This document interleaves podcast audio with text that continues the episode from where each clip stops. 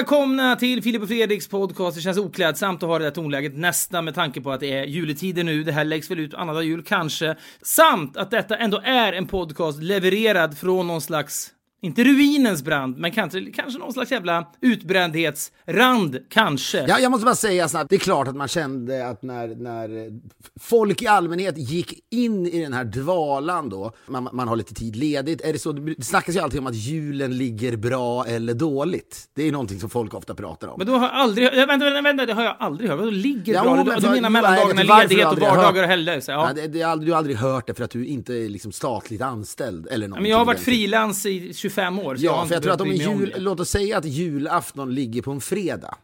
Det blir liksom, då får man inte så många dagar ledigt som du förstår. Då är julafton lördag, annandag julsöndag. Så då är man bara ledig fredag i princip. Och sen jobbar man och sen är nyår på en fredag också. Medan idealiskt är väl då när julafton kanske ligger på en måndag va? Det är väl perfekt antar jag. Ja, kanske. Och så vidare. Ja, och den här julen då så ligger väl julafton halvbra då. Eftersom det ligger på en tisdag och julafton, när ni lyssnar på det här, redan har utspelat sig.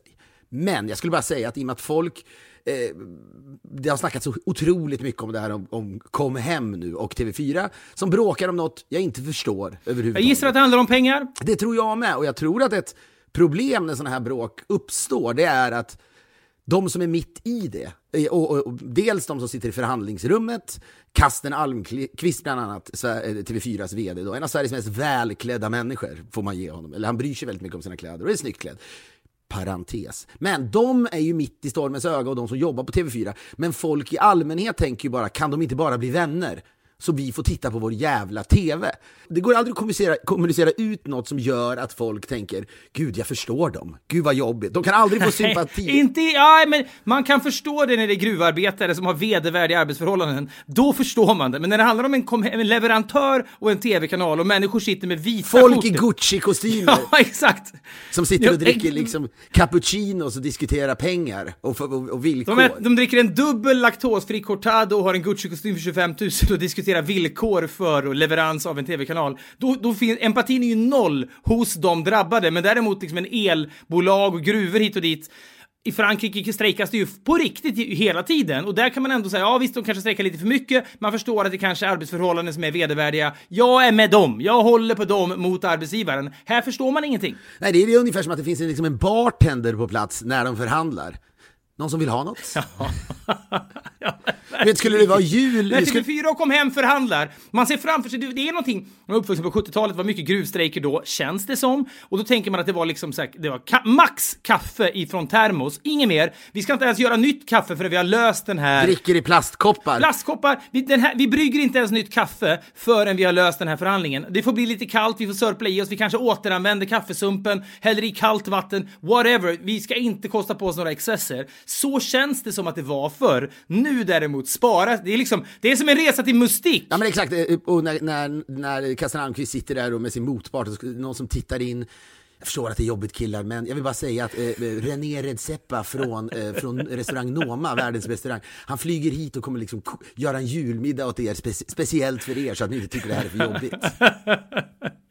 Exakt så är Det, det. det kommer in någon jävla PT så att de kör ett yogapass i mitten. Bikram, Bikram själv, lite halvnedkyld efter, efter metoo, kommer in och kör ett Bikram-pass med. Men klockan är ett på natten så säger de eh, väldigt härliga nyheter killar. Killen som äger Nymans ur på Biblioteksgatan kommer nu att öppna speciellt för er så att ni kan köpa lite Rolex-klockor i julklappar nu när ni varit borta så länge. Och, eh, När ni kommer tillbaka sen och förhandlingarna fortsätter, det blir lite vickning. Precis, och ni kommer även få lite ref reflexologi. Vi, vi värmer upp lite Jansson direkt från Ulla Wibblad. Ja, men då är och René Redzepas middag då från Noma, den, den kommer lite, lite senare. Då sitter du och får sån här reflexologimassage av fötterna samtidigt som, som själva intervjun på, pågår. Och kostym, okej nu börjar ni, jag ser att kostymerna börjar bli lite skrynkliga nu. Vi har alltså eh, eh, tagit in en ny kollektion, vi har dubblerat alla kläder ni har. Nu får ni, kan ni byta om så ni känner er fräscha, för vi tror att det ändå förbättrar möjligheterna att den här konflikten kommer att lösas. Hans Alde som gör skräddarsydda kostymer. Hans Alde, han har ju, han har ju era, som, som vi vet har han ju era må- mått on file, så han kommer att leverera nya, nya Ja. kostymer till er. Ja, men kan, kan det vara så att denne Hans Ald ändå dyker upp och måttar om dem för säkerhets skull? Jag förstår, ni har suttit här i ett par dagar nu, ni kanske har lagt på lite grann. Han kommer och måttar upp lite nya nya mått på er så att kostymerna han gör speciellt för detta kommer att sitta perfekt. Han kommer, han kommer alltså jobba dygnet runt, så att, eh, han kommer jobba hårdare än er för att få de här klara, för vi misstänker att ni kommer ni då sitta kvar. Jag menar, tidigare så gick ju, när det var liksom avbrott i de här förhandlingarna, då gick man ju och sov på en, då gick ju liksom folk och sov på en soffa i en timme och sen var det ju bara dags igen, såklart. Ja, mangla. I det här fallet är det, det, sviten finns på Grand Hotel, det är bara att åka dit, det, det ligger redo. Men sen, sen för att vi ska få lite miljö, jag förstår ni vill ni är sugna på lite miljöombyte. Vi har alltså hyrt, chartrat nu en Vaxholmsbåt som ska ta ut i skärgården så ni ska få lite visuella intryck under nästa förhandling. Men ni ska verkligen inte behöva sitta i det här Det konferensrummet. det, är ju den, det är ju den känslan, och, eller att någon så här, Johan Glans kommer in och kör sin senaste ståuppföreställning också här inne, så att ni får skratta lite. Gud ja. Men som sagt, det går nog inte att få folk att känna, när du snackar om gruvstrejker eh, strejker och sånt där, eller om det är du, eh, eh, industriarbetare överlag, så kanske det, det tar ett tag innan det drabbar, drabbar befolkningen. Men i det här fallet då drabbas man direkt när de bara stänger ner det. Eh, du och jag kanske inte tittar så ofta på TV4, men det är ju de facto så att för många människor är ju TVn eh, en kompis, det, det enda man har. Och Så är det definitivt. Och jag tror också, jag, jag vill inte att det ska vara så här, men jag tror att det är så här och då får man ibland bara finna sig i det. Jag tror att den här Bingolotto uppesittarkvällen som Rickard Olsson har rattat nu i 15 år eller vad, för 10 år eller vad det är. Jag tror att den är på något, jag, jag säger inte att det är rimligt, men jag tror att den är jätteviktig för många gamla människor. Nu vet jag, här sitter Rickard Olsson, han är trevlig, det är lite lotter. Fyra timmar har jag nu framför mig av total icke-ensamhet för Rickard. Jag tror Rickard Olsson under de timmarna betyder så jävla mycket. Jag tror att på ett sätt är det viktigare än vem som är julvärd på SVT, att den där uppesittarkvällen på TV4 i all dess eventuella prakt funkar. Det är viktigt för Rickard Olsson att folk inte har sett hans nya kropp. Det kan solka ner folks bild av honom givetvis, de som tittar på det Det är där. faktiskt sant. Rickard Olsson har gjort 16 Weeks of Hell. Han har i diskreta, relativt diskreta sammanhang skrutit om denna nya drömkropp på sociala medier. Men det är väldigt viktigt, precis som du säger, skulle den kroppen anas i uppesittarkvällen så kan det, det kan backfira så in i helvete för det. ligger det en liten kudde i skjortan, så det ser ut som han har en liten trivselmage. Första gången någonsin Rickard Olsson har en, fat, en, en diskret fatsuit på sig i sändning för att inte alienera tittarna som, som är ensamma där ute. Det sista de vill ha är en drömkropp som rattar en Vilken uppesittarkväll. oerhörd, sådär, oerhörd balansgång det där är för just en sån som Rickard Olsson då, som har den här, det här programmet, förra årets mest sedda program, tror jag det var, på TV4. Och eh, siffrorna Mm. för eh, den, den eh, uppesittarkvällen då som, som, som, som gick i år, den har folk redan fått i den mån folk bryr sig om tittarsiffror. Men det är så här, det är, en dödsdans han sysslar med, Rickard Olsson. Men han dansar fram längs den vassa äggen när han har tagit på sig dödsdans. När han har tagit på sig den där kostymen av att vara hela Sveriges uppesittarkvälls farbror, då får han inte vara för tight. Det går inte. Det har väl aldrig Rickard hänt. Olsson var också nere på Way Out West med sina nya unga kompisar då eh, i, i somras. I höstas, ja, precis. Gjorde, Ja, i- i sensommaren, ja, precis. Gjorde stor eh, grej av det på sina egna sociala medier. Men han ringer ju runt till alla sina Mm. nya då kompisar och säger till dem att ta bort eventuella, liksom, om, om det slaskar kvar några bilder från Way Out West. För det, det, Ja men det är lustigt för en, en publik persona är ju inte så enkelfacetterad som, som man skulle kunna tro. Det finns ju flera Rickard Olsson givetvis. Det finns ju en Rickard Olsson som är på Way Out West, som bestämmer sig där och då, för det här är den sista superhelgen.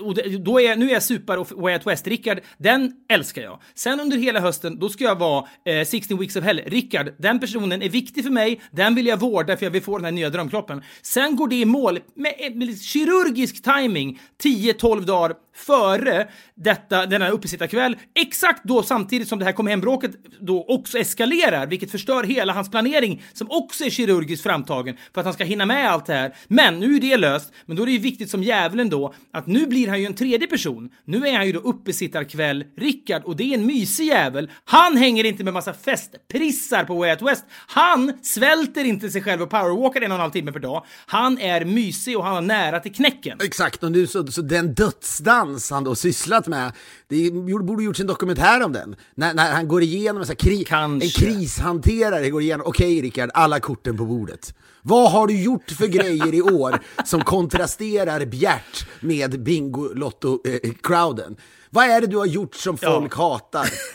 Den här vettingprocessen som, som företagsledare nu, det är viktigare än någonsin förstås efter metoo och sådär, men en vettingprocess av politiska kandidater och av företagsledare. Man, man säger, vad har du för lik i garderoben? Det är ju ofta då, det kan vara liksom 10 år sedan, 15 år sedan, Sverigedemokraterna har ju hur mycket som Jag helst. betalade sånt där. inte tv-licensen. Nej men exakt, du har haft svart arbetskraft tidigare och sådär. Här handlar det ju bara om, vad har du gjort i höst på sociala medier som vi måste rensa bort? Har du, Rickard, svara ärligt nu, har du lagt ut bilder på sociala medier där du dricker kallpressad juice? Bort med det!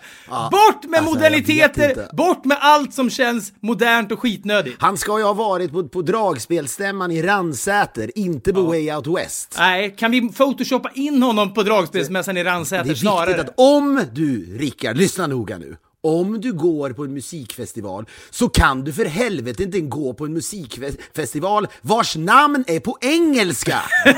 är du galen?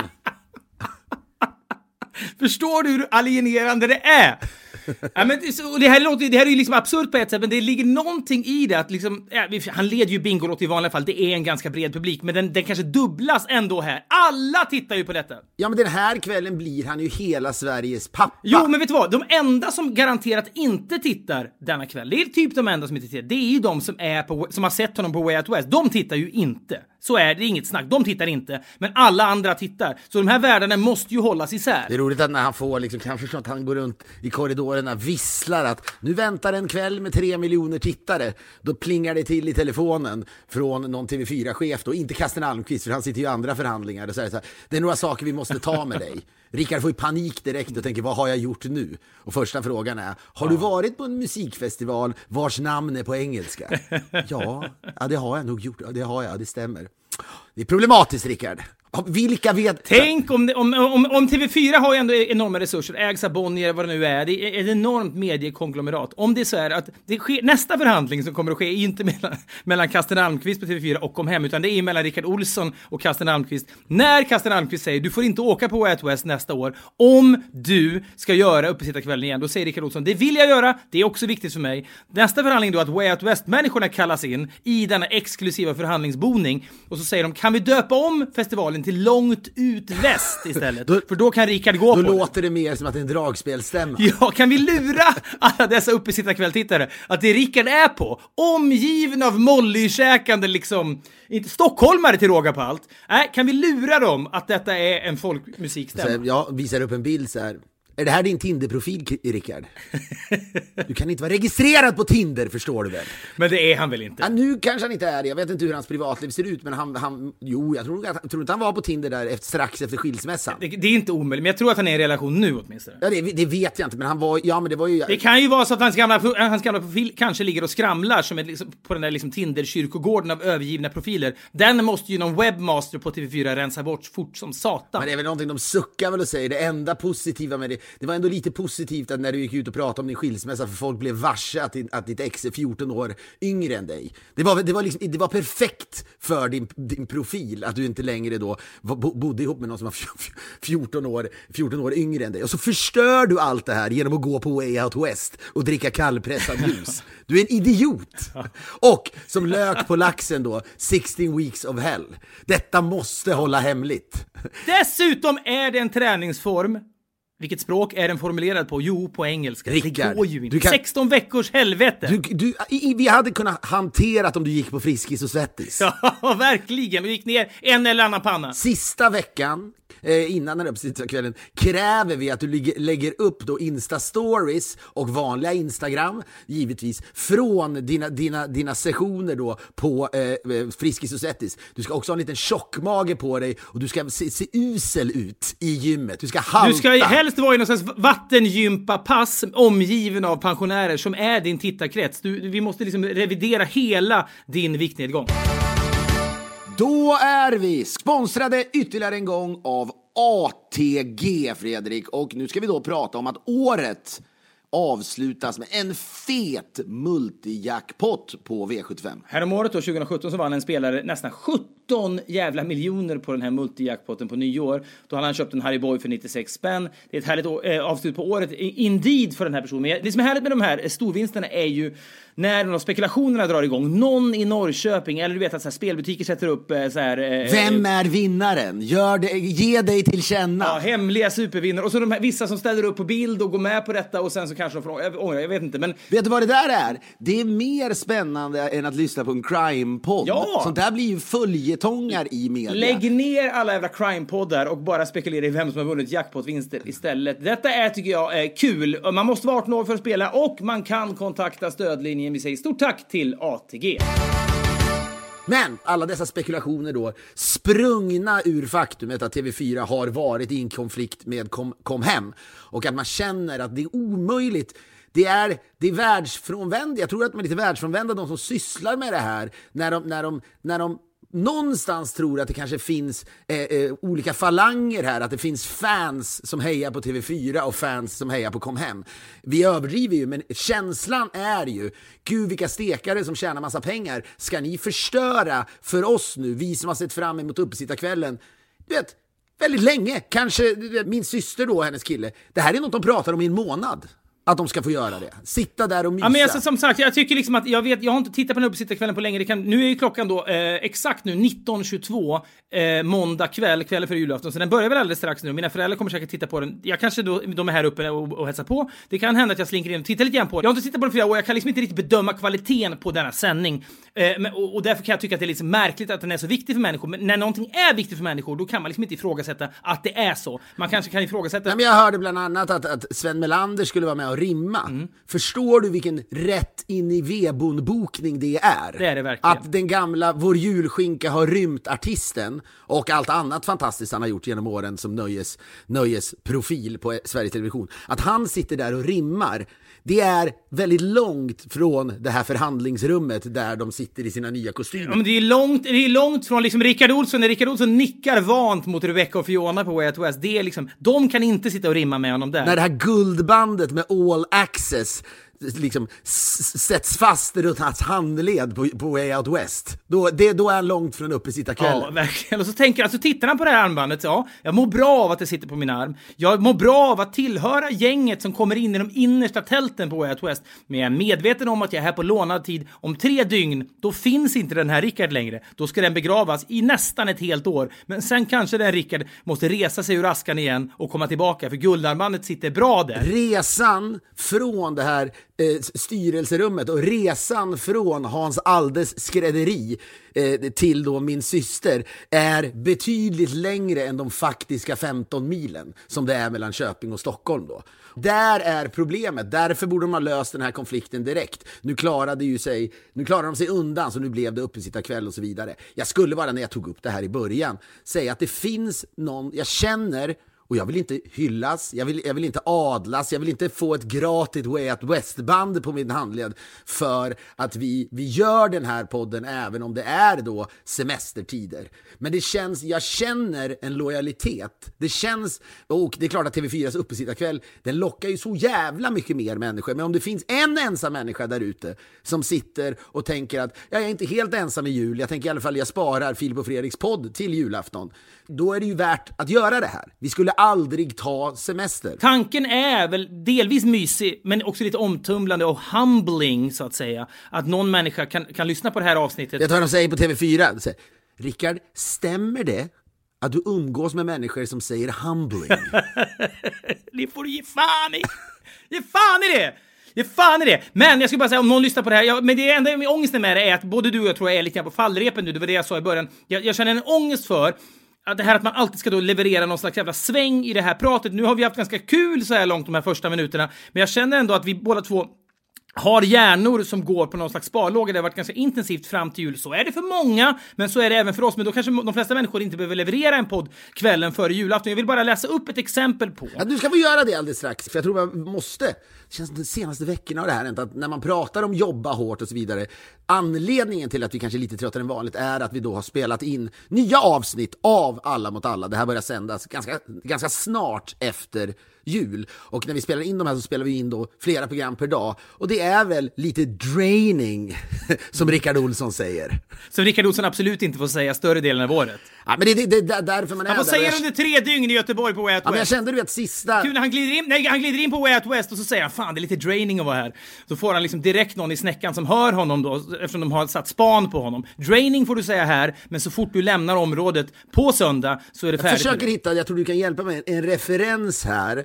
Men du vet, när han, när han startar uppesittarkvällen så är det som att han hör en inre röst som säger Säg inte draining, säg inte draining. Jag tror är det i Nakna Pistolen någonting. Det är i Nakna Pistolen. Ja, jag tror, ja men i Nakna Pistolen så tror jag att om det är O.J. Simpson Don't kill the Queen. Det, Ja just det, det är inte, O.J. Simpson är en polis. Nej, kill, I must kill the Queen. Någon är ju då hypnotiserad till att mörda drottningen av England som är på besök i USA. Frank Drebin, polisen då, och O.J. Simpson som också är polis ju, ska försöka hindra honom från att göra detta. Men det är någon hypnotiserad mördare som då har ett mantra i huvudet som lyder I must kill the Queen. I must kill the Queen. Det är liknande. Rickard Olsson har hypnotiserats veckorna fram till uppsittarkvällen att inte använda några krångliga anglicismer som han har snappat upp av Rebecca Fiona på Way Out West. ja, men du vet att han, att han skulle öppna upp, att han, skulle du får inte öppna uppesittarkvällen genom att säga Välkomna till TV4s uppesittarkväll. Det är kvällen före dopparedagen. Och jag förstår att ni är drained. Det har varit mycket på jobbet. Förstå vilket, vilket jävla, vilken stämning över hela Sverige som skulle säga vad sa han? Dre? Vad fan pratar han om? Ett enda ord skulle sänka honom. Du ser, producenterna kastar grejer i kontrollrummet. Men du vet, alltid, alltid i amerikanska filmer när någon gör bort sig i rutan så blir det alltid så här direkt tillfälligt avbrott eller så går de till reklam utan någon på eller av. Det är bara pang så är de bara mitt i en reklamfilm. Det skulle för första gången hända i TV4. I första reklambreaket efter han har sagt det här så går du vet, någon TV4-chef ut och säger bara så du vet, när, det här, när den här kvällen är kla- klar, när vi myggar av dig så lämnar du, så går du ut genom de här dörrarna och du återvänder aldrig till TV4. Okej. Jag förstår, ni är lite drained precis som jag är. Du får gå ut, gå ut i tidningarna, TV4-chefen, och, och göra avbön inför hela folket att vi har en programledare som säger drained. Precis när kom hem-bråket har löst sig så får Kasten Almqvist ta på sig Gucci-kostymen och be om göra avbön. Det är så, så, så, så paparazzi-bilder i kvällstidningarna. Här flyr TV4-programledaren Sverige efter skandalen. Då är det också viktigt att han flyr till Kanarieöarna. Han måste ju ändå fly till något svennigt ställe. Han får ju inte fly Knappt till det. Han måste liksom- St. Barts. Nej, gud, han måste säga, hyra ett torp utanför Hudiksvall eller någonting i den stilen. ja, verkligen. Här sätter han sig i sin hyrbil och åker upp till ett helt vanligt torp. Jagas hela julen. Han får inte en sekund över det. det är en, ku- liksom, programledarens kurragömma-lek under annandagen. Här försöker han, han åker in till Konsum och ska handla lite mat. Han försöker då anstränga sig för att handla vanlig mat. Inga krångliga ekologiska produkter, utan liksom så här vanliga, vanliga mjölk, liksom litrar, pyttipanna. Det är viktigt för honom att det inte är något jävla liksom linfrön som slinker ner. Via sin presstalesman Lilja Sefa meddelar, eh, vädjar han, jag vill bara fira jul med min familj. Sen vet, så han vet inte att han fäller krokben för sig själv igen. Har han en presstalesman den jäveln? Med ett internationellt klingande namn? Rickard Olsson hälsar att han har sparkat sin presstalesman. fattar du inte att det, är, det måste vara din kusin eller något som har ett vanligt jobb som säger han måste få fira jul? Rickard Olssons syster som jobbar som sjuksköterska hälsar Rickard måste få vila. Sen gör han den, den sista ungefär som du vet Mar- Martin Timells metoo-intervju, att han du vet, jag lägger mig platt. Jag har gjort fel. Jag förstår. Han säger så jag har åtminstone inte, jag har åtminstone inte mördat någon. Det är fullständigt rimligt att min tid som programledare, programledare är över. Detta är oförsvarligt. Nu får yngre förmågor ta över. Så blir det det, ett år senare blir det det uppföljningsartiklar från Rickard Olssons nya hem, du vet, någonstans i en förort. Här bor han i en etta. Och så, så här, och så här, att han säger så här, Nej, eh, nästa, uppfölj, nästa uppföljning sker ju då i mitten på augusti när Rickard Olsson försöker komma in på Way Out West och nekas. men också så här, han, han, han, har blivit så... nu kommer han inte ens in på Way Out West Han kan längre. inte betala för att köpa en biljett. Han är så här, det blir rött ljus i hela systemet när det verkar som att Rickard Olsson vill köpa en biljett. Ja, men det är som när en sån där flaggad fotbollssupporter, huligan som har liksom blivit portad från typ Old Trafford eller någonting. När den personen kommer till fotbollsarenan så blir det ju så här pip, pip, pip, här kommer du inte in. Så har ju då Way Out West brännmärkt Rickard Olsson. Ingen vill veta av honom längre. Här, jag förstår att folk hatar mig. Det är rimligt, säger han. Säger han självutplånande. Sen börjar Rickard supa. Två år senare åker han dit för rattfylla då. Så vänta så här, det här, Rickard Olsson igen, det här är det värsta man kan vara med om. Så visar det sig att även, du vet, hela, hela liksom polismyndigheten hatar honom, plas, placerar honom på en så här isolerad avdelning med bara pedofiler. Det är där han hör hemma.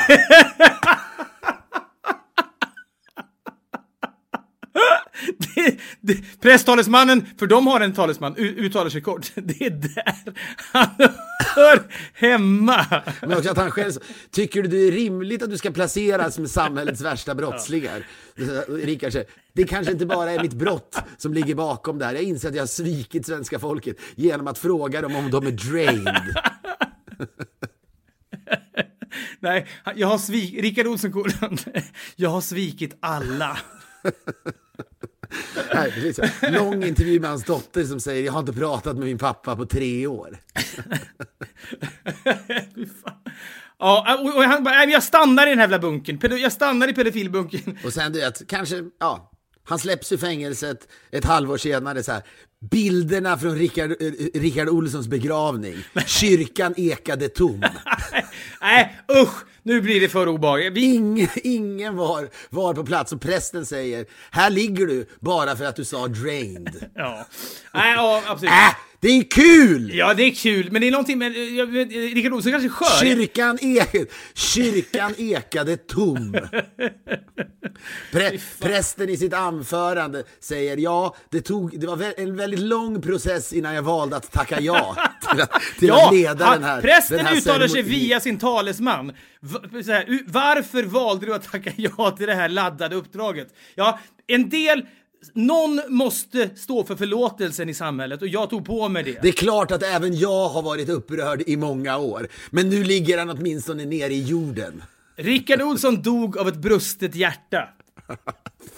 Ja men så kan det ju gå! Men det är Ja, väldigt det kul att sitta här och jag tror att vi är då, som han sagt var, även om Rickard Olsson är drained när han gör eh, uppesittarkvällen, det jag sä- kan säga, han kanske är drained och han sitter Mm. där och man ska, man har en skyldighet kan jag tycka. Det finns någonting i det att om man börjar, om man, om man på något sätt är en del av folks vanor, och det är vi kanske lite grann, då har man, det kommer med en skyldighet. Därför är det kul att sitta här, men våra hjärnor är inte hundraprocentiga på grund av alla mot alla Ja, men jag känner ju det själv. Jag, jag hoppas att folk kan bara stå ut med det här avsnittet. Och jag, jag, ja, som sagt, jag vill inte be om ursäkt längre, men det är, det, jag känner en väldigt press över detta. Och det, min dotter också ska då överrumplade mig med, vet du vad det är imorgon bitti? Jag tänkte så julafton, då ska man få sova ut och ska jag liksom vila. Hjärnan ska komma ikapp imorgon bitti. Jag ska sova till 11 om det så krävs. Jag ska dunka i mig min nya CBD-olja som jag tror på. Det är någon slags cannabisgrej som man då får köpa på någon naturapotek. Jag dunkar i mig såna här droppar. Det här kan ni mer är om än så, jag. det är väl så att marijuana innehåller väl THC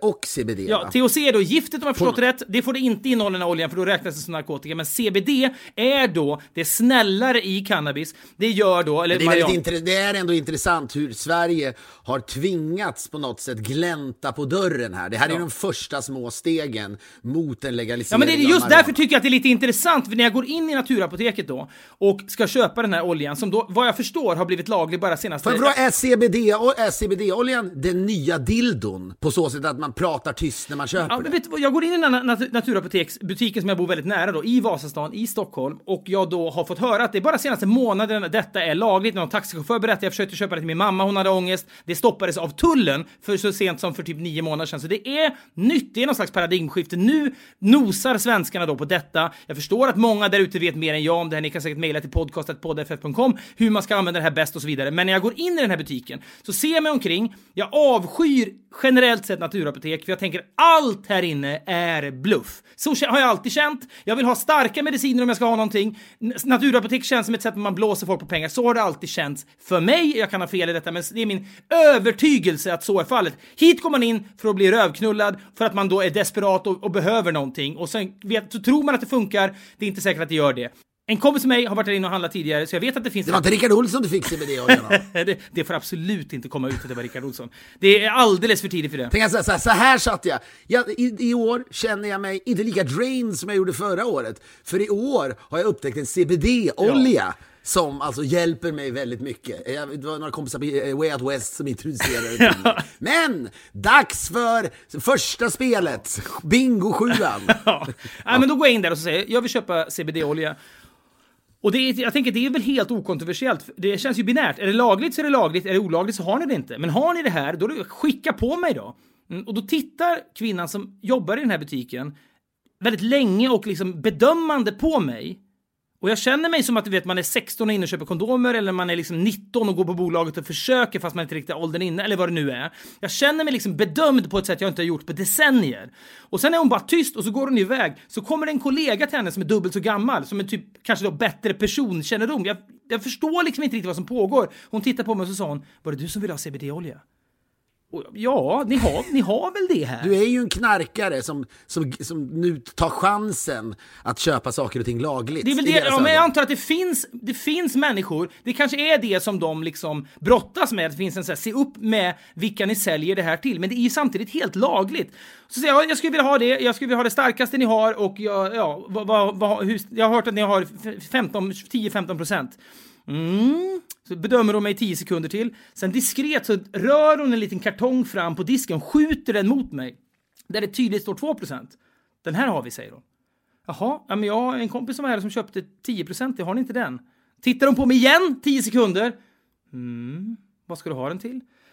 Ja, jag, behöver jag prata om det ens? Jag, vill ha, jag, jag, jag fattar liksom inte hur kontroversiellt det här tydligen är av en människa som till och med säger... Här, det är inte en läkare som skriver ut ett recept. Nej, det är det som är så konstigt. Det är som att den här människan lajvar läkaryrket. Ska jag skriva ut det eller inte? Sen försvinner hon iväg, borta två minuter, kommer tillbaka då med den här 10% och liksom, det är ungefär som att jag ska betrakta det som en gåva att hon sträcker över den här minimala flaskan som sen visar sig kosta 775 spänn Ja, men sen får jag i alla fall den där och har då börjat liksom goffa i mig det där på kvällarna och jag hoppas och tror att denna då har en effekt som gör att jag sover lite bättre på kvällarna. Det kan ju vara placebo så det sjunger något, precis som allt annat naturapotekskit. Du har ändå berättat för mig att det inte riktigt är det trycket i den som du hade hoppats Nej, på. första kvällen upplevde jag det som att det var lite tryck, men så tänkte jag att nu då när jag äntligen imorgon bitti ska få sova ut och det är julafton, då kan jag väl dubbla dosen då kanske och så kanske jag kan få sova till 11 och bli lite bortdunkad och då berättar min dotter för mig att imorgon klockan 7.20 är det något som heter electric kadrilj som då mina döttrar ska rida i. Så att den här, den här liksom utmattningen som jag då hade tänkt skulle gå i mål ikväll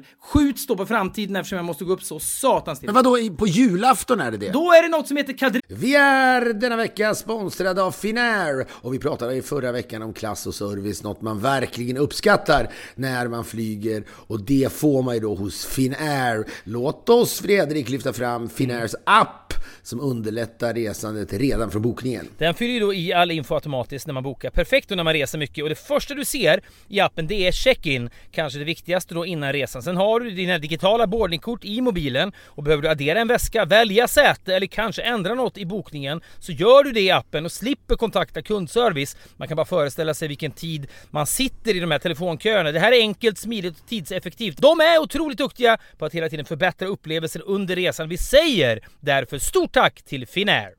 Vi är denna vecka sponsrade av Blocket och låt oss, kan verka lite dystopiskt men tycker ändå det funkar, prata om dödsbädden. Vi kommer ju alla ligga där en dag och reflektera över våra liv och vi kommer då ångra många saker. Eh, bland annat att vi inte köpte den där drömbilen som fanns i våra tankar under så många år. Ja, men kanske den där opraktiska sportbilen då som var en dröm från barnsben. Sen blir man vuxen med barn och så får man inte köpa en sån där bil. Men man skulle fan bara ha gjort det så att man inte ångrar det när man ligger där då, För på Blocket finns då bilar för alla med Sveriges största utbud av bilar till salu från privatpersoner som såväl bilhandlare. Gå in på blocket.se slash bilar Och köp drömbilen på Blocket. Vänta inte, så kan man då bocka av den på dödsbädden i alla fall. Det tackar vi Blocket för. Eh, vi är denna vecka sponsrade av DPJ Workspace. Eh, det är ju din partner då för kontorsmöbler och inredning sedan 1995. Köper du en stol eller ett bord eller vad det nu kan vara i år, 2024 alltså, så har du garanti till och med 2034. Vilket innebär, Fredrik, hur många års garanti då? Det är 10 års garanti, det är ett decennium. Kan man säga något annat än att de vet att det är hög kvalitet på sina grejer? De har otroligt mycket snygga och bra produkter. Allt ifrån snygga designstolar till belysning och loungemöbler. Alltså ett komplett utbud. Helt enkelt med riktigt schyssta grejer. De ska hålla länge, det ska vara snyggt och det ska funka bra för alla typer av behov som finns. Och har man funnits sedan 1995 som DPJ har gjort så kan man sannoliken sin grej. Gå in på dpj.se och läs mer. Vi säger stort tack till DPJ Workspace.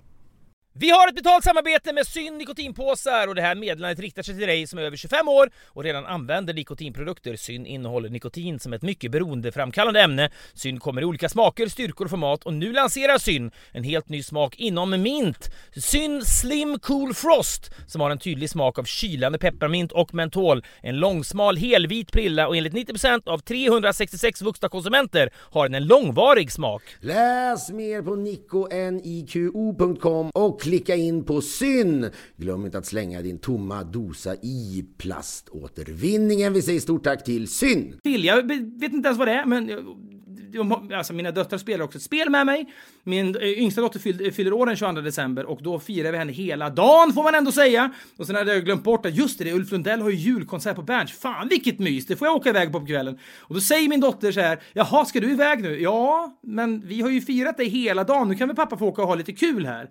Så tittar hon på mig och hon är så jävla medveten vad hon gör när hon säger så här, du är alltid frånvarande.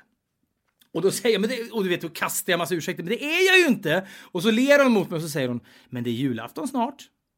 Så det hon då indirekt säger. Ska det vara hemma då eller är det någon ny konsert? Och då? är, men är- och är det någon konsert då, då, då har du den 23 på dig att köpa jättemycket julklappar för att kompensera faktumet att du alltid är frånvarande. Det är ren och skär manipulation. An- Använd hon ordet, använd hon ordet kompensera? Nej, men det skulle hon fan kunna gjort för hon är diabolisk den jäveln. Och det är ett 100% manipulation det handlar om. Jag är inte frånvarande, men jag måste säga att det är skickligt av henne att se det här ögonblicket i flykten. Hon skulle bli en jävligt bra kom hem-förhandlare tror jag. Hon ser då möjligheten, när jag firat henne en hel dag, sticker iväg på Lundell. Ah, bra, men imorgon är den 23 december, då kan du ösa in nya julklappar så kommer jag inte i ett framtida sommarprat att beskriva dig som frånvarande. Var känslan inne på Lundellkonserten att det var mycket frånvarande farsor där?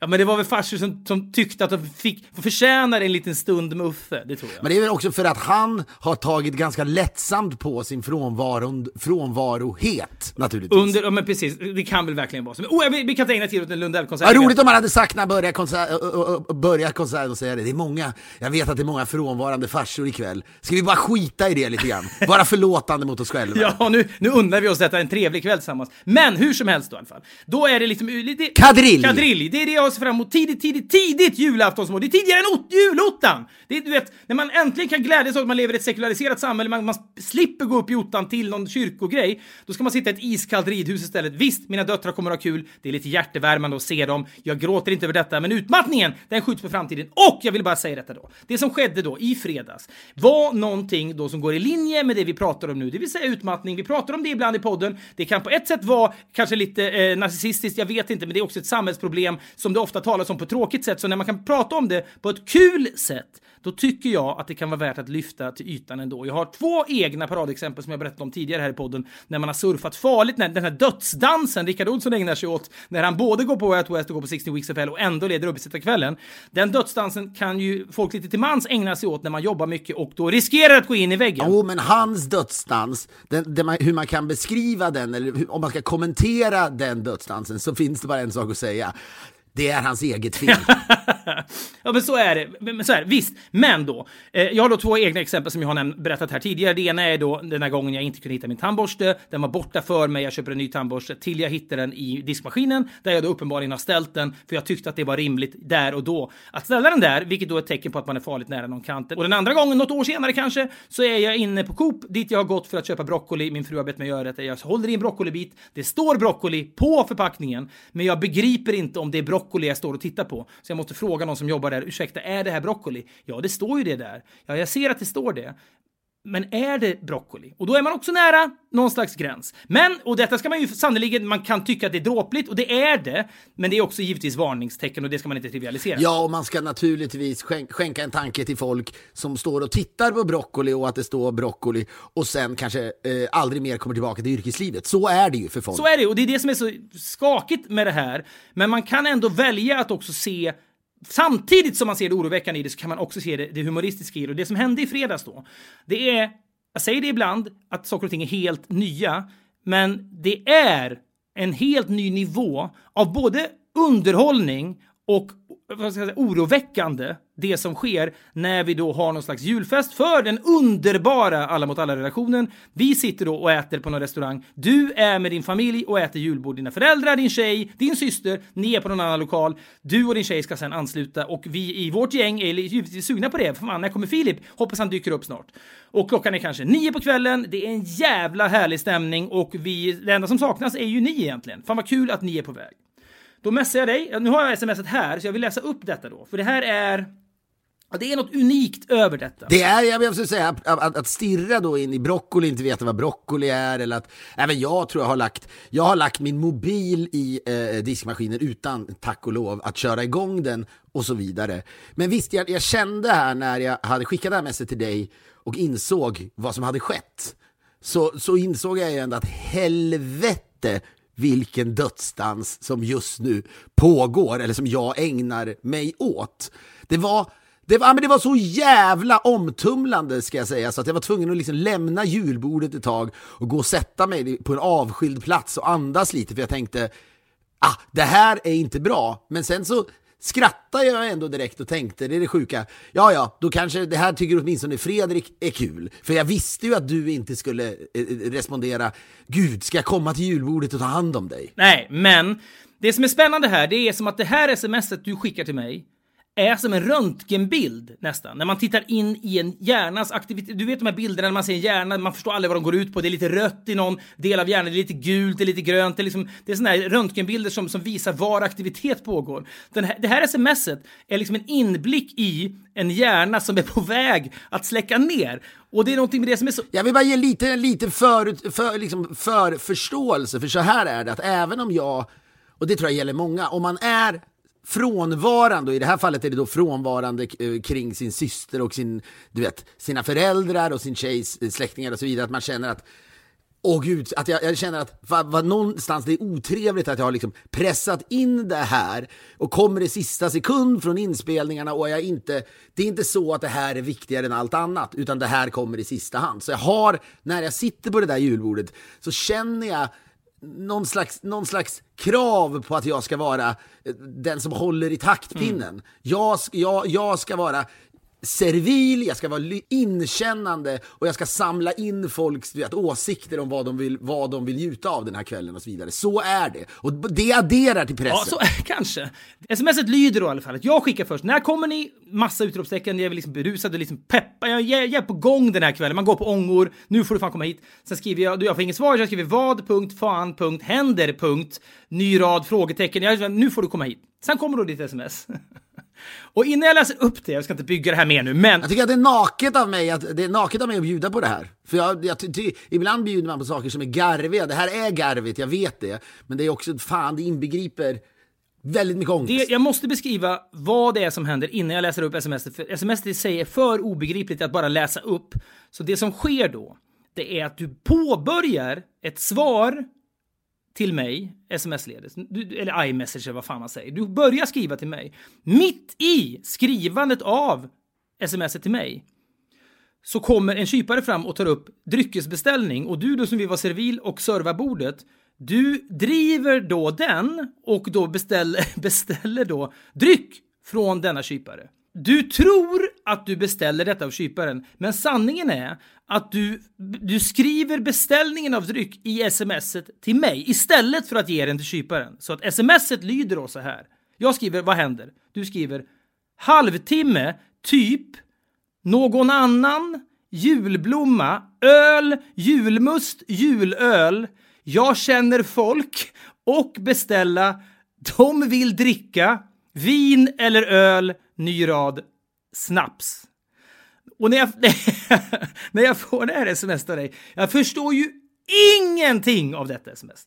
Ja, halvtimme typ beskriver ju du att du är på väg, du tänker att om en halvtimme kommer jag. Sen går detta då över sömlöst och obegripligt i en dryckesbeställning till mig, inte till den kyparen. Jag ska också säga, jag tror jag ska addera att vad som också sker är att jag faktiskt pratar samtidigt som att jag skriver. Så att när jag skriver julöl eller snaps så tror jag att det är det jag säger eller precis har sagt till kyparen. Men du får ju det där mest av mig och självklart förstår Alltså du... jag, jag, får det, jag får det här smset, jag förstår ju då ingenting och sen hör jag av mig till dig senare och får klarhet i vad det är som egentligen har hänt. Och då dels tänker jag, det är exakt parallella spår. 50% av mig tänker det där är inte bra.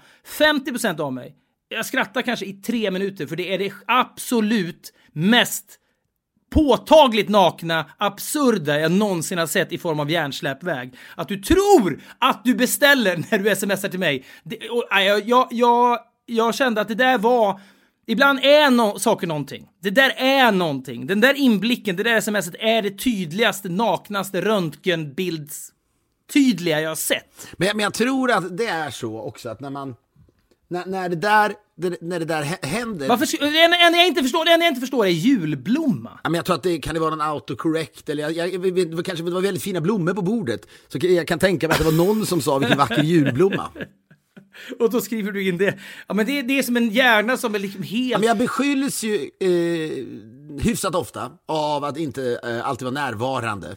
Eh, eh, det- kan, jag kan segla iväg i, eh, i andra tankar och eh, jobbar med det och jag inser att det ibland kan framstå som, eh, som otrevligt. Men det här är ju Rolls Royce-versionen av det. Men jag, och, och det som jag tycker är extra sorgligt är att det har föregåtts av att jag, du vet, stressad som djävulen i taxin, på väg till julbordet, alla är redan på plats, så har jag, har jag i, på ett liksom Rickard Olsson-sätt, och på samma sätt han säger innan han ska gå in på uppesittarkvällen, du vet, du får inte säga drained, du får inte säga drained. Eller några andra engelska termer. Nej. Exakt, så känner ju jag också i det här läget att nu nästan, nästan så jävla bokstavligt som var närvarande. Var närvarande. Och det lyckas ju då säkert med fram till dess att vi sätter oss ner och ska ta då den här initiala beställningen. Det som, det som kickar igång jultrevligheterna. Det som gör att vi alla ska känna oss som en lycklig familj. Nu ska vi dricka och ha trevligt. På så sätt är det ju, det är ju sorgligt. Ja men, vet, ja, men det är så, inte- jag tycker det är så spännande att det är så, att det är så både och. Alltså, jag har skrattat åt det här. Det låter, nu, nu är jag färdigskrattad åt det. Jag, jag liksom, jag, jag, nu har jag, jag liksom totalt vridit ur trasan. Jag har skrattat, jag kommer på det här kanske sex gånger under helgen och skrattat gott varje gång. Berättat det här för kompisar. Alla förstår precis. Ja, det där kan jag se framför mig. Filip sitter där, han nickar mot någon, han nickar mot någon annan, han skriver det här. Han är inte medveten om sättet han då misslyckas med kommunikationen här. Men det är så jävla talande. Jag, jag, på ett sätt är det det mest inringande av dig som du är just nu jag någonsin har varit med om. Tror jag. Men det är ju, och, och det jag, eh, det här exemplet tror jag vi har tagit förut. Jag tror det, det kan handla om, jag tycker inte att det är hänga ut, men det kan handla om den före detta då kanal 5-vdn som sen tror jag blev simor vd och så vidare. Oerhört framgångsrik man som heter Manfred Aronsson. Som jag tror var, var vid utbrändhetens eh, rand. Och folk oroade sig i hans närhet då, eh, för att han kändes som att nu är han riktigt slut här. Nu jävlar, det här är inte bra och eh, kanske en familj som känner detta, ett jobb som också känner att vi riskerar här, du vet, herregud, aktiekursen kan gå ner om han inte kan jobba här. Ja, men vips sitter han i någon jävla kom hem-förhandling och då vill vi att han ska vara skarp i skallen. Ja, och, och, eller vips så är han liksom på sjukhus i två år för att han är så utbränd. Det är ju den här, den här, det som är härligt med det är ju att utbrändhet nu faktiskt, sedan många år tillbaka ändå, men tas på allvar. Tidigare handlade det väl om att man var, hette det hjärnsvag när man blev galen? Eller vad fan hette det? Det var ett uttryck. Nervsvag tror jag. Nervsvag var det och det är väl det så mitt sms hade beskrivits om det hade utspelat sig på 40-talet det här och det hade funnits sms. Och på samma sätt så kan man då liksom förlora företagets mest prominenta och viktiga människa till utbrändhet. Så i något slags vackert eh, ekumeniskt samarbete mellan, mellan liksom kapitalism och kärlek till sin, sin, sin, sin pappa eller till sin, sin eh, eh, älskare då, så, så tror jag att han strippar, han, han, någon säger till honom du ska vara på Arlanda där och då. Och det här är också tror jag strax före jul. Och när han kommer fram till Arlanda så är det hans familj och hans fru på plats, men även någon representant då för företaget som säger ja, lämna över mobil och dator Det, vad sjukt, det här har jag aldrig hört talas om. Men det, det, här- det, är, det, Ja, du har inte Nej, det? det här är helt nytt för mig. Det är alltså någon slags intervention helt enkelt, fast det handlar om, om liksom yrket, inte om missbruk. Ja, kanske för att liksom, det kanske är, till och med är så att företaget älskar honom så att de gör det av kärlek. Men det finns också, tror jag, kapitalistiska tankar i bakgrunden. Men familjen är orolig. Men då strippas han på allt det där och sen så åker då familjen till värmen. Okej, så, så, så den välvilliga avsikten här är så här. Vi tar hand om allt nu. Du får inte jobba. Allt kommer att bli bra. Du kan bara unna dig värme, den, den exotiska värmen som Rickard Olsson aldrig skulle kunna fly till, utan den får du därför att det här sker mer i lönndom än Rickard Olssons eventuella frånfälle som uppesittarkvällsprogramledare. Nu tar vi hand om dig, du kan bara slappna av. Det låter ju väldigt omtänksamt och behagligt. Men det gör det och för många som drabbas av utbrändhet så kanske det inte ens alltid är kopplat till jobbstress. Det kan ju ha kopplat till du vet, Nej. loopade tankar i huvudet och alla har väl inte... Men dels det, och herregud, alla har ju inte det där skyddsnätet. Nej, men det är det jag säger, det är skyddsnätet, Alltså, det är de, inte- de flesta människor som blir utbrända är ju så att säga, människor i vården som inte, du vet, de kan inte, men du och jag har ju lyxen att säga, okej, nu skickar man ett galet sms, man ställer in liksom tandborsten i diskmaskinen. Ja, imorgon är jag ju frilans, jag kan imorgon bara ligga och stirra om jag vill, för, för på tisdag måste jag spela in podden, men jag har åtminstone idag på mig att ta igen mig. Det, alla kan ju inte det. Jag, Samtidigt som jag tror att eh, det finns någonting klasslöst ändå. Väldigt många har ändå en mobil i dagens läge skulle jag vilja påstå. Ja, men jag vet, men jag, jag, jag är fullständigt medveten om att det finns, det finns en enorm, ändå, det är en liten klassfråga här också. För är du på liksom det ekonomiska fallrepet, då har du inte alltid råd med detta. Har du som du och jag lite bättre ställt, då, då kan det inte behöva betyda samma katastrof om du gör dig ledig i två dagar. Men vissa har liksom inte råd med det och då tror jag utbrändheten blir så fruktansvärt hotfull. Jo, jag säger, det håller jag verkligen med om. Men det finns, det, man kan ändå betrakta mobiltelefonen nästan som en, en, en, klasslös pryl numera. Var det, väl, var, det, var det Laila Bagge som blev så fruktansvärt överraskad över att och, och väl rasade på något sätt, eller du vet, så här, milt rasade över att hon hade sett en, en uteliggare med en mobiltelefon. Att det var beviset Enligt någon slags bevisföring då, att ja, har man en mobil, då är man fan inte så illa ute. Exakt, men så är det ju inte längre. Så att, att strippa en människa på en mobiltelefon kan ju ske i, i, inom alla klasser, tror jag. Sen kanske inte det hjälper så mycket, men jag, och jag vet inte heller hur mycket det här hjälpte vår vän Manfred. Men det är ändå en, eh, så att säga, en aktion som hade kunnat eh, hade kunnat följt då det, när du fick det där messet så hade ju du, jag skulle ju åka till LA då, dagen efter ja, och jag är ju inte alls besviken för att du inte gjorde det här. Men i teorin... Det är sant, tanken kunde ju ha slagit mig i den där stunden. Att bara, okej, nu s- pausar vi festen, nu tar jag med mig Emil, vår producent, nu åker vi till Filip, nu ska, nu ska vi rädda Filip. Nu ska, nu, det här är ett tecken på att allt inte står rätt till. Men kanske är det för att jag har haft mina egna små episoder jag tänker att ja, det där är ett varningstecken. Jag vet man, man kanske ser för, lite för milt på det där. Vi kanske borde avbrutit festen, åkt till dig, lyft ut dig från julbordet och sagt nu strippar vi dig på allt. Nu ska du bara liksom låsas in och tas om hand. Ja, men, och, och det där, och, men det kanske är så här, jag, återigen, ibland kan man, man skämtar om, om kärlek och att, man, att, du vet, att, att vi inte bryr oss tillräckligt mycket om varandra och, och så vidare. Men och det, jag kräver inte alls detta. Jag, det finns ju ingenting i mig som, som känner så, samtidigt som den där historien om hur han strippades på allting ändå är, det, det, det är något slags praktexempel kan jag tänka mig på på, eh, på en, en, en åtgärd som, eh, som verkligen osar av välvilja och som i förlängningen alla då tjänar på, både familj och, och företag. Men det är, ju, det är ju möjligt att han var betydligt mer vid utbrändhetens rand än vad, vad, vad jag är, för jag mår ändå, jag skulle vilja påstå, jag mår ändå jag mår hyfsat, eh, alltså, om man ju softar på det här, man kan ju må på, må på massa olika sätt och vad som påverkar en utbrändhet, det är, tror jag, det är, eh, det är individuellt. Och jag känner, och det här skulle, om det sitter någon expert där ute så skulle de ju säga både till dig och mig att "Hå, oh, oh, oh, oh, sluta jobba nu. Men jag känner ju att det finns ju någon slags, pra, eh, inte pragmatism, men empiri här, att man har klarat det förut. Och visst, då kan det finnas någon gång när man inte klarar det, men jag mår ändå, skulle jag vilja säga, betydligt eh, eh, bättre nu. Och det, här- det här har inte... Du har heller ingen, du har heller ingen kadrilj att gå upp i ottan till. Men är, är kadriljen dock, du behöver ju inte prestera på kadriljen. Nej, jag vet, men ibland, du vet, ibland när man känner så här, om jag bara fick sova nu 11 timmar i rad och vakna, och ibland de här, vissa, vissa morgnar när man vaknar, när man har turen att få sovmorgon och få sova ut, när man känner att den här delen av armen är utvilad, den här delen av benet är utvilad, den här delen av hjärnan är utvilad, allt i mig är nu utvilad. Jag är, nu, nu har jag liksom, Du har ju dina utvilade föräldrar i lägenheten, kan inte de lösa det här? de går inte upp, de, vet du, som min farsa sa, varje, varje helg när jag var liten sa han, väck mig inte före tio. Det var någon slags mantra i det Wikingssonska hemmet när han skulle sova ut. Ja, men han jobbade hårt också. Ja, det gjorde- Du, dina föräldrar jobbade hårt. Det gjorde de båda två, men det var ändå pappa som sa väck mig inte före tio. Så minns jag en gång när jag ändå skulle göra det för han fyllde år.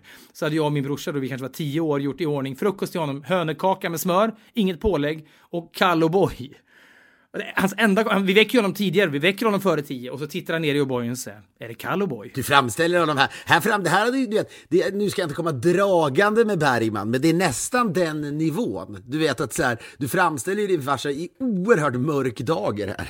Ja, men det var, det var ändå lite ganska traumatiskt, får jag ändå säga, när man ändå hade gjort den här frukosten till honom och tänkte nu gör vi något fint för pappa, han har jobbat hårt, nu ska vi hylla honom på hans födelsedag. Men han Vi var ju en slags liksom- vi var ju 9 slags- 10 vi, kunde- vi kunde liksom inte värma någonting. Så Callowboy fick väl duga. Jag hade, törs jag lova, när mina manipulativa döttrar kommer in till mig, hade de gjort Callowboy, då hade jag hällt i mig skiten. Men han var ju en slags, eh, han var ju en slags landsortens Manfred Aronsson figur. Jobbade, jobbade stenhårt och bar ett helt företag på sina axlar och så vidare.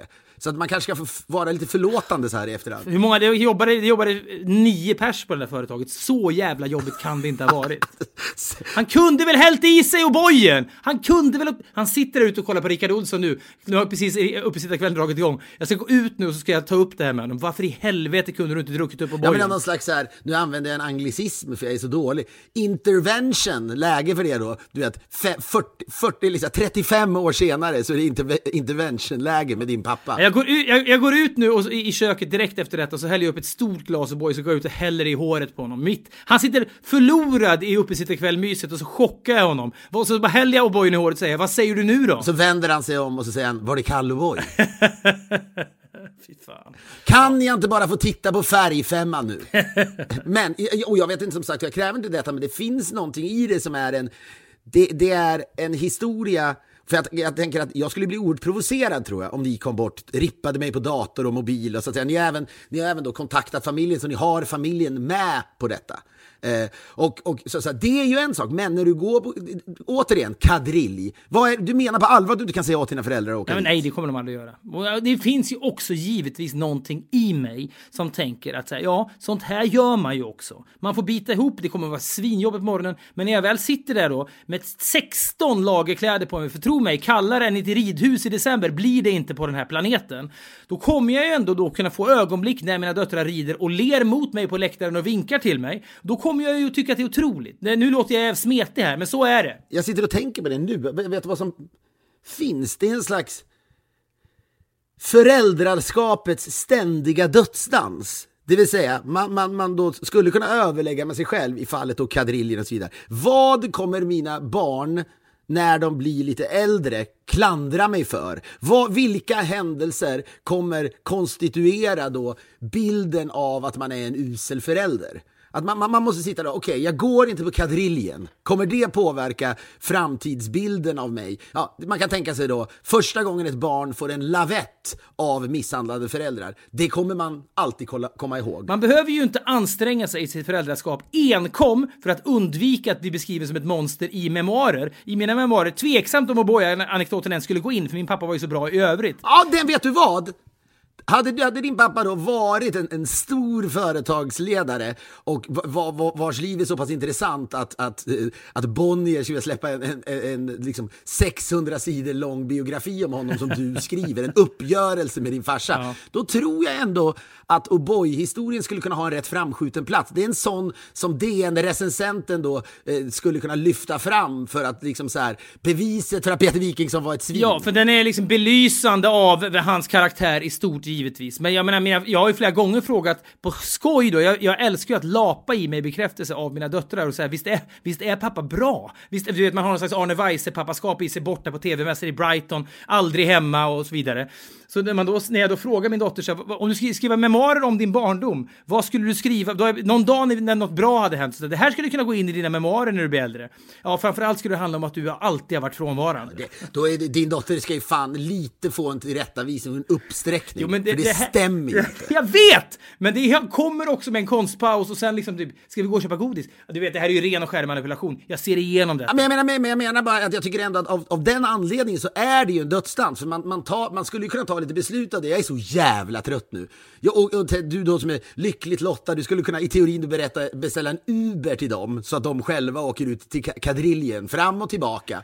Att, u- att ubra sina barn till julkadrillen. Ja, men då, jag menar, om du skulle då ta och överlägga med dig själv, kommer det här Låt oss vara så jävla storhetsvansinniga att man pratar om memoarer, men egentligen skulle alla kunna göra det, för det betyder inte att det kommer memoarer. Vad det, Memoaren är en tankelek som går ut på hur kommer du att beskriva ditt barn, din barndom när du blir äldre? I memoarform, i ett sommarprat eller i ett samtal med dina vänner när du är 60. Ja men precis, den symboliserar ju det, det avtrycket man har gjort hos sina barn. Vem var man som förälder? Och det där kan man ju återigen, nu kanske de som då slår sina barn, tyvärr, de som finns, det föregås ju oftast inte av, av en överläggning med sig själv. Kommer det här bli en del av memoarerna memoaren eller inte? Men den där typen av kadrilligrejer eller att du går på en Ulf Lundell-konsert, det är, tror jag ändå så här, det är värt att stanna upp och tänka, tänka Ja, men det kan mycket väl, det är ett vågspel. Hade jag inte gått på Lundell... Jag hade vet du vad det är? Det är inget vågspel, det är en dödsdans. Ja, hade, hade, hade jag bangat Lundell, då hade jag också kunnat banga kadriljen. Nu gick jag på Lundell, hade en trevlig stund, snart kommer änglarna att landa, vilken jullåt det ändå är. Men